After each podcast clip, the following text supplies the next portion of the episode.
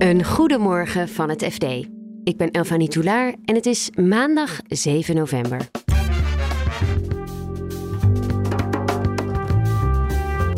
De vastgoedmarkt loopt vast, maar dat heeft nog niet iedereen door.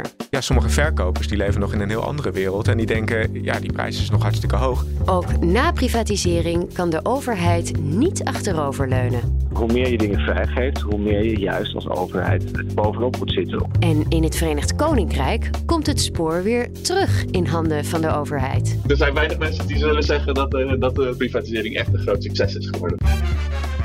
Dit is de dagkoers van het FD. Beleggers zijn terughoudend in het aankopen van kantoorgebouwen en winkelpanden, terwijl verkopers nog niet hun verlies willen nemen.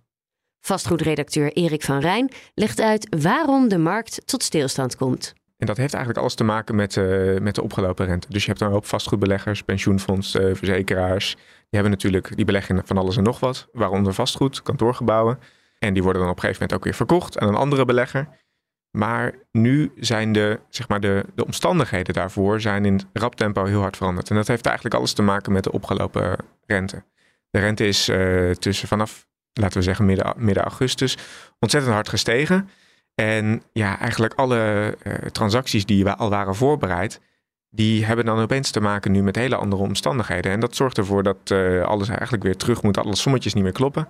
Iedereen weer terug moet naar de tekentafel. Er een hoop onzekerheid is. En er dus ook een hoop deals niet doorgaan. Hoe groot is de prijsdaling? Nou, kijk, met die, met die hoge rente gaat natuurlijk ook, wordt, komt natuurlijk ook gepaard dat beleggers dus schuld aan kunnen trekken tegen hogere kosten. Dus ze moeten meer betalen voor hun leningen. En dus hebben ze minder geld over om inderdaad te kopen. En denken ze dat ze een een lagere prijs kunnen krijgen. Ja, dat loopt nu wel een beetje op tot wat is het, 10, 15 procent van het, uh, van het verkooppercentage. En dat komt natuurlijk op een soort, ja, een moment waarop eigenlijk we, we hebben jarenlang gehad dat die rentes zo ontzettend laag waren. Dat de prijzen van vastgoed, nou ja, niet alleen op de woningmarkt, maar ook commercieel vastgoed alleen maar hartstikke omhoog gingen. Dus ja, sommige verkopers die leven nog in een heel andere wereld en die denken, ja, die prijs is nog hartstikke hoog. Terwijl beleggers die nu moeten kopen en zich daarvoor in de schulden moeten steken, veel duurder uit zijn en dus nu denken, uh, ik, ik ga een lagere prijs bieden. Ja, en dat verschil, daar, daar komen partijen nu op dit moment niet uit. En dus uh, zie je dat, het, uh, dat ze niet bij elkaar komen en dat er dus transacties niet doorgaan. Een, ander een andere reden dat kantoorpanden misschien niet meer zo in trek is, is misschien dat mensen meer thuiswerken? Nou, dat speelt inderdaad wel een rol. Je ziet dat nu, je, rente is wel een overgrote deel hoor, van, de, van de beweging die je nu ziet. Maar op de achtergrond daarna speelt natuurlijk ook een hoop on, onzekerheid van... Enerzijds, waar gaat de economie nu heen? Krijgen we een recessie? Is dit dan een goed moment om te investeren? Of moet ik juist niet investeren? En daarnaast ook die onzekerheid over dat thuiswerken. We hebben natuurlijk deze zomer al gezien dat heel veel werkgevers nu zeggen we gaan een deel van de kantoorpanden afstoten. We kunnen wel met een paar verdiepingen minder in ons kantoor, omdat onze werknemers thuis willen werken. Of we zoeken een onderhuurder voor die verdiepingen. Ja, dan betekent dat op termijn misschien die, dat aanbod op die kantoor van het aantal kantoorvastgoed, aantal vierkante meters, alleen maar gaat stijgen. Nou ja, meer aanbod op de markt betekent natuurlijk ook waarschijnlijk een iets lagere prijs of, of betere voorwaarden die je kunt krijgen als huurder. En is dit nou een korte dip, denk je, of gaat dit langer duren? Vastgoedbeleggers en, uh, en adviseurs die zeggen van ja, we zijn eigenlijk op zoek naar, naar meer, meer houvast. Nou, dat kan aan de ene kant dus komen van die rente. Dat kan aan de andere kant komen van de, van de taxaties. Heel veel uh, vastgoedpartijen die moeten richting het einde van het jaar hun, uh, hun gebouwen weer opnieuw taxeren. Nou, daar zul je dus ook zien dat er waarschijnlijk weer afschrijvingen komen, dat die gebouwen in waarde gaan dalen. En dat, dat kan er misschien ook voor zorgen dat er weer een soort van uh, idee kan komen wat dan de goede, goede prijzen zijn. Maar beleggers verwachten en vastgoedadviseurs verwachten eigenlijk dat het zeker in het eerste kwartaal van volgend jaar nog wel heel rustig zal zijn. Het zal uh, ook aan het einde van dit jaar, dus de maanden waar we nu mee bezig zijn, hè, november, december, dat zijn normaal gesproken altijd de allerdrukste maanden voor vastgoedadviseurs, omdat dan zeg maar alle transacties, alle verkopen van kantoorpanden, logistieke panden, die door het jaar heen zeg maar uh, zijn, zijn bekokstoofd, om maar even zo te zeggen, die komen dan tot een, tot een tekening. Maar dat gebeurt dus nu niet. Dus waar je normaal gesproken in deze week iets van uh, 5,5 transacties uh, gemiddeld uh, ziet, zie je er nou 2,5. En dat aantal loopt normaal gesproken op richting het einde van het jaar. En zal waarschijnlijk nu stabiel blijven. Dus, en ja, dus is wel de verwachting dat we nog wel even in deze situatie blijven zitten. Maar hoe lang het duurt, ja, dat hangt er natuurlijk ook volledig vanaf waar de economie naartoe gaat. Ja, en wie heeft hier nog meer last van, behalve de eigenaren van die panden? Nou ja, het zijn natuurlijk vooral de makelaarskantoren die op dit moment last hebben. Kijk, als jij een woning verkoopt, dan betaal je natuurlijk een deel van de, van de kosten aan de makelaar en, of, of aankoopt. En dat geldt in het commercieel vastgoed ook. Dus ja, die, die partijen, op het moment dat er geen transacties zijn, op het moment dat er geen panden worden verkocht, ja, dan uh, hebben makelaars ook geen vergoeding. En ik denk dat op langere termijn misschien ook wel uh, je gaat zien dat bijvoorbeeld uh, de pensioenfondsen en de, en, de, en, de, en de beleggers die namens pensioenfondsen beleggen, hier wat wel last van kunnen krijgen. Want ja, zij beleggen natuurlijk een vast percentage in vastgoed. Maar hebben natuurlijk hun belegd vermogen de afgelopen tijd ontzettend hard omlaag zien gaan. Omdat de beurskoersen omlaag zijn gegaan. Ja, dat betekent ook dat dat percentage, bijvoorbeeld normaal gesproken 10%, dat je in vastgoed belegt, dat is misschien nu wel 12%. dat betekent ook dat zij dan zeggen, dan gaan de alarmbellen af en dan wordt er gezegd van, uh, we hebben een te groot percentage dat we nu van ons uh, vermogen in vastgoed beleggen. Dus moet daar verkocht worden. En dat komt natuurlijk dan altijd op een ja, best wel ongelukkig moment, want het komt eigenlijk altijd op het moment dat het wat, wat minder gaat in, in, in de markt. Dus daar kan ook nog wel, als, het, als, dit, als deze situatie zich voortzet, kan daar ook nog wel een, uh, kunnen die daar ook nog wel last krijgen. In de politiek ligt de verkoop van voormalige overheidsbedrijven onder vuur.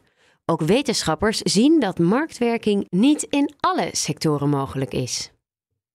Redacteur macro-economie Marijn Jongsma vertelt eerst welke sectoren de laatste jaren zijn geprivatiseerd. Nou, dat zijn er heel wat. Dus je hebt de telecom, is een van de belangrijkste voorbeelden. Vroeger had je natuurlijk eh, de PTT Telecom, een uh, staatsbedrijf. Nou, dat is geprivatiseerd. De markt is, uh, is vrijgegeven. Er is heel veel concurrentie gekomen. Uh, Deutsche Telekom, Vodafone. En de energiemarkt is een ander heel belangrijk voorbeeld. Jarenlang in handen van nutsbedrijven, met, met gemeenten en provincies als aandeelhouder. Nou, die zijn ook allemaal verkocht. Alleen het netwerk is nog in handen van de staat. Dat is een verschil bij telecom, waar ook de netwerken in handen van privébedrijven zijn. En uh, momenteel gaat de discussie heel erg over de NS en uh, ja, die, uh, dat is eigenlijk een monopolist uh, volledig in handen van de staat. Uh, en ook het railnetwerk is nog volledig in handen van de staat. En waarom zijn die destijds geprivatiseerd? Nou, het idee was eigenlijk dat staatsbedrijven de neiging hebben om, om luid te worden, inefficiënt um, en dus te duur voor de eindafnemer. Mhm. Zowel consumenten als bedrijven. En in het laatste geval is het ook weer slecht voor de concurrentiepositie van Nederland als geheel. En er zat ook nog wel een wat pragmatisch element in, namelijk uh, in de tijd dat al die staatsbedrijven zijn geprivatiseerd. Um, stond de overheid er ook niet zo heel geweldig voor. Dus de tijd van de grote bezuinigingen, van staatsschuld die moest worden afgebouwd. Ja, verkoop van uh, staatsbedrijven brengt natuurlijk geld in het laadje. Zo simpel is het ook wel weer. Ja, maar nu is er veel discussie over. Is die privatisering dan uh, helemaal fout gegaan, af te schrijven? Nou, dat denk ik eigenlijk helemaal niet. Uh, de discussie is heel ideologisch. Uh, en je ziet eigenlijk al, al jaren zo dat er uh, een soort gewicht wat heen en weer zwaait. dan is iedereen weer heel erg pro-markt, dan weer heel erg anti. Het gaat er natuurlijk uiteindelijk om uh, wat het beste werkt uh, voor de consumenten. En in bijvoorbeeld de telecommarkt heeft het best uh, goed gewerkt. In de energiemarkt tot op zekere hoogte ook. We zitten nu natuurlijk met een energiecrisis. En ja, die was er ook geweest als we de boel niet hadden geprivatiseerd. het is natuurlijk wel zo dat er energiebedrijven zijn omgevallen. Dat is van tevoren natuurlijk niet zo ingeschat door de overheid. En van de mensen die ik ook sprak over dit onderwerp, die daar uh, zich in hebben verdiept, die zeggen ook van ja, je privatiseert iets, je, gooit de markt vrij en vervolgens gebeuren er allerlei dingen die je niet had voorzien. En daar moet je dus je regulering weer op afstemmen. Dus eigenlijk is hun boodschap, hou als overheid de vinger aan de pols als dingen misgaan, maar concludeer niet meteen, oh ja, dan moet alles maar weer in overheidshanden. Dat is eigenlijk de verkeerde conclusie. Maar uh, je hoeft dus ook niet te denken dat je als overheid uh, er vanaf bent. Als je nee. een tak van sport of een tak van bedrijvigheid hebt uh, geprivatiseerd. Nou, dat is inderdaad het misverstand. Namelijk dat het misverstand is eigenlijk het volgende: dat je denkt als je als overheid privatiseert en de markt toelaat, dat je dan inderdaad achterover kunt leunen en dat je dan er, je er niet meer mee hoeft te moeien. En ja, dat is dus niet waar. Uh, hoe meer je dingen vrijgeeft, hoe meer je juist als overheid er bovenop moet zitten om te zien of uh, de uitkomsten uh, passen bij jouw doelstellingen. En dat klinkt een beetje vaag, maar uiteindelijk komt het erop neer dat mensen tegen een redelijke prijs toegang hebben tot diensten die, die je belangrijk vindt en dat het veilig is en dat het zeker is. En in het geval van de Nederlandse spoorwegen dat er genoeg treinen op tijd rijden.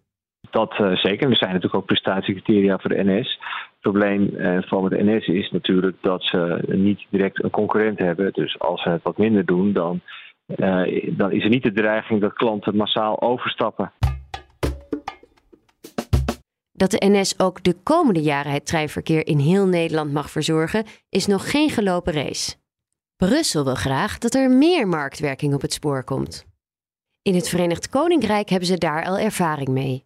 En correspondent Joost Dobber vertelt dat ze daar niet heel tevreden zijn. Voor de pandemie, hè, het laatste moment dat er nog volle hoeveelheid reizigers uh, waren, viel mhm. het echt niet goed meer. Want het systeem was behoorlijk aan het stuk lopen op zijn eigen ingewikkeldheid. Uh, de, de vertraging, hoeveelheid vertragingen waren veel te groot. Volgens mij was zelfs een derde van de treinen uh, op een bepaalde manier vertraagd. De infrastructuur was, was verouderd. Dus er mhm. waren gewoon heel erg veel problemen. Als je daar met de trein ging, was het dan veel minder dan in Nederland? Ja, ja, af en toe had je echt verschrikkelijke, verschrikkelijke reizen. Uh, en bijvoorbeeld, uh, wat mij altijd opviel als ik dan um, vanaf bijvoorbeeld een vliegveld kwam. Luton, wat gewoon een belangrijk Londens vliegveld is, hoe lastig het is om dan soms een trein te krijgen. Het gaat ook vaak heel goed hoor, maar ja, nee, af en toe was het echt een ramp. En heeft het ook iets positiefs opgeleverd, die marktwerking? Als je kijkt naar de reden waarom ze hier begonnen met, met uh, die privatisering was, ze hadden de oude monopolist, British Rail. Dat was een beetje een vermoeide instantie. Dat werkte ook helemaal niet goed. En aanvankelijk, toen ze privatiseerden, toen ging, uh, ging het wel degelijk de goede kant op. Uh, de reizigersaantallen zijn ook sterk gestegen. Veel sneller dan, uh, dan in Europa het geval is. Volgens mij zelfs verdubbeld in uh, de periode sinds de privatisering. Mm -hmm. uh, en nu het meest tastbare voordeel is dat er veel meer is geïnvesteerd in nieuwe treinen. Dus als je nu in een trein stapt, dan zit je gewoon in een prima, prima trein. Ja. dus, dus dat is zeker wel verbeterd. Maar het probleem blijft dat er een soort van, sinds de privatisering, een, ja, een soort lappendeken van allerlei eilandjes is ontstaan. En allerlei diverse organisaties die allemaal andere verantwoordelijkheden hebben, maar te weinig met elkaar praten. En dat is wel een probleem wat ze maar moeilijk uit het systeem krijgen. En dat is waarom ze nu ook weer, weer een hervorming willen doorvoeren op het spoor? Ja, inderdaad. Want de manier waarop die privatisering hier is doorgevoerd is niet dat je, als je stel je wil vanuit Londen naar, uh, ik noem maar wat, Sunderland uh, rijden, dat je dan gewoon bij allerlei verschillende treinmaatschappijen terecht kan. Maar de routes zijn uitbesteed. Dus je kunt uh, als, uh, nou bijvoorbeeld de NS heeft met dochterbedrijf Abellio, kunnen zij inschrijven op een franchise. En een franchise is niets anders dan het recht om voor een x aantal jaar op bepaalde routes de treindienstregeling te, te verzorgen. Mm -hmm. um, dus je hebt, je hebt de concurrentie werkt bij het inschrijven op zo'n franchise en niet op uh, als jij gewoon naar, uh, als reiziger naar het, naar het station loopt, dat je uit verschillende bedrijven voor dezelfde route kan kiezen. En wat gaat er nu dan weer veranderen? Ja, je hebt vast meegekregen dat er hier nogal wat verschillende regeringen zijn geweest in korte tijd. Dus wat de precieze status is van deze plannen, dat, uh, dat, dat weet eigenlijk niemand.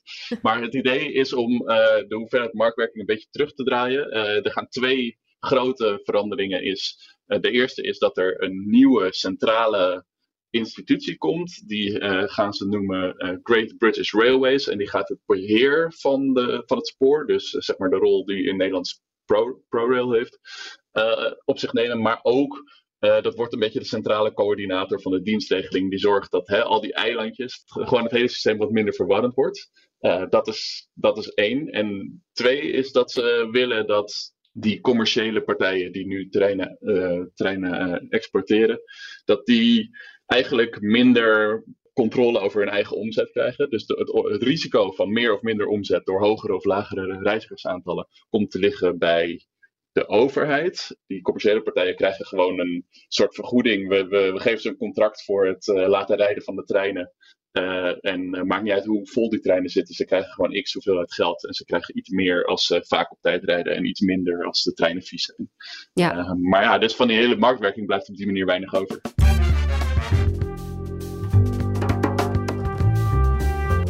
Dit was de dagkoers van het FD. Je vindt ons elke ochtend in je favoriete podcast-app. En het laatste financieel-economisch nieuws vind je op fd.nl. Nog een fijne dag en graag tot morgen.